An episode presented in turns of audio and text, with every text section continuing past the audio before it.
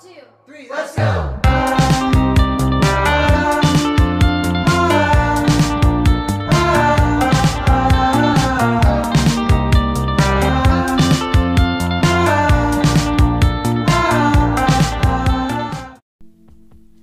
Hi guys, so welcome to my first episode.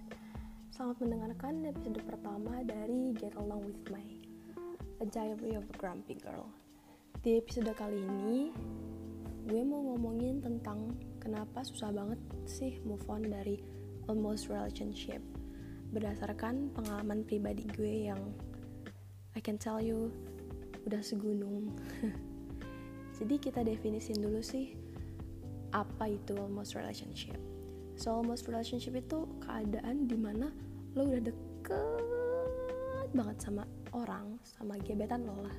Lo udah melakukan hal-hal uwu yang cute banget, yang bikin orang iri. Lo udah fit call for example, free call, chatan tiap malam, tiap detik, tiap jam, flirting sana sini, tapi nggak jadian dan nggak akan pernah jadian karena turn out dia jadian sama yang lain. Nyebelin banget kan? gue yakin banget setidaknya kalian pernah satu kali merasakan hal ini karena ya ini tiba-tiba kayak jadi tren gitu gak sih ghosting mengghosting gitu kayak orang-orang tuh ngechat ngechatin lo terus tiba-tiba pergi aja gitu pas lo udah nyaman sama mereka. Kayak orang-orang berlomba-lomba ngedeketin seseorang terus ninggalin mereka. I know how it feels karena gue pun sering banget ngalamin ini. Ibaratnya kayak lo tuh udah investasiin waktu lo untuk dia investasiin uang lo untuk dia tapi dia tetap gak mau sama lo. Lo udah memberikan dia semua yang lo bisa tapi dia tetap aja pilih yang lain so move on dari almost relationship itu atau dari relationship yang mana lo di ghosting itu menurut gue susah banget. Kenapa sih kok susah? Karena nggak ada alasan untuk lo move on. Soalnya lo nggak pernah menjalin hubungan apa-apa sama dia. Dia bukan punya lo tapi rasanya kayak dunia pernah jadi punya berdua. Lo jadi bertanya-tanya apakah segala keuuan yang terjadi itu cuma imajinasi lo atau emang dianya aja yang fuckboy atau fuckgirl kalau kata orang it feels so hard to move on because there's so much unfinished business Coba sekarang buat lo yang masih mikir, kenapa sih gue dulu gak dapetin dia? Kenapa sih gue gak jadian sama dia yang perasaan udah deket banget? Dan kenapa-kenapa yang lainnya? Kalian tarik napas sebentar. Karena gue akan jawab pertanyaan itu. First reason, kenapa lo bisa susah banget move on dari hubungan yang bahkan gak pernah ada itu karena gak ada penyelesaian di hubungan itu. Kalau misalnya kita ngomongin tentang orang pacaran kalau lo pacaran ketika lo mau nyelesain hubungan itu lo cuma tinggal bilang putus lo cuma tinggal minta putus. Tapi di kasus almost relationship nggak ada yang namanya putus karena emang dari awal nggak ada yang pacaran. Kebanyakan kasus orang yang lo sayang ini tiba-tiba pergi aja tanpa bilang apa-apa tanpa pamit nggak ada penyelesaian sama sekali ini alasan yang pertama yang bikin lo jadi susah untuk move on karena lo nggak bisa nyelesain apa yang udah lo mulai Terus second reason yang paling common adalah karena lo merasa dirugikan. Iyalah, coba kita analogiin almost relationship ini sama bisnis. Lo udah nganterin dia ke mana-mana, bahkan lo salim sama neneknya for example. Lo udah gofoodin dia berpuluh-puluh kali. Terus taunya dijadiin sama temen lo. Lo udah cerita-cerita ke orang tentang hubungan lo, tapi ujungnya cuma tinggal kenangan. Lo ngerasa rugi. Nah, karena ngerasa rugi ini, lo jadi mikirin dia terus. Jadi makin susah buat lo untuk move on dan let go of her or of him gitu. Terus alasan ketiga dan terakhir yang bakal gue bahas adalah karena lo benci dan marah sama dia. Lo kesel dan bingung kenapa sih dia bisa jahat sama lo. Emang lo salah apa, ya kan? Lo marah karena dia bahkan gak mikirin perasaan lo sama sekali. Lo marah karena lo merasa dibohongi oleh hubungan yang sempat terjadi, for example. Semakin lo marah, semakin lo benci dan kesel, semakin sering juga dia nangkring dan hadir di pikiran lo. Dan semakin besar juga rasa penyesalan lo. Kenapa sih bisa gagal menjalin hubungan sama dia? I'm sorry for that noises. Gue gak punya tempat yang bagus untuk bikin record. Jadi semakin besar juga lo sayang sama dia karena lo mikirin dia terus. That's there is something called like a psychological effect gitu deh. Gue sempat merasakan semua itu. Gue bertanya-tanya apa sih yang salah sampai dia ninggalin gue? Kenapa dia nggak mau sama gue? Kurangnya gue di mana? Gue marah dan kesel sama dia sekaligus dia gue uh, banget. Gue marah dan kesel sama dia sekaligus sama diri gue sendiri. Tapi ya namanya hidup. You should move on and let go lo harus tetap jalanin hidup kayak biasanya dan stop galau-galau bullshit.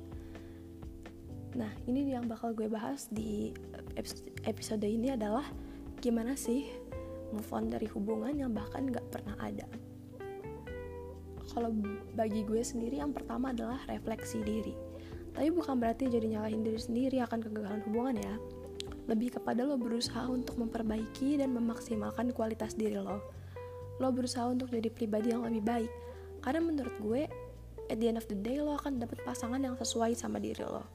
Makanya memperbaiki diri sampai ke level yang paling baik itu penting banget. Karena ujungnya lo bakal dapet pasangan yang sama baiknya dengan lo.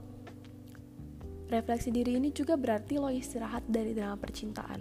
Mungkin lo punya masalah dengan temperamen lo dan di bagian refleksi diri ini lo berusaha untuk memperbaiki itu atau lo juga bisa nyoba hal-hal baru kayak latihan masak, main alat musik, anything deh untuk mem memaksimalkan diri lo dan untuk membuat lo melupakan drama percintaan.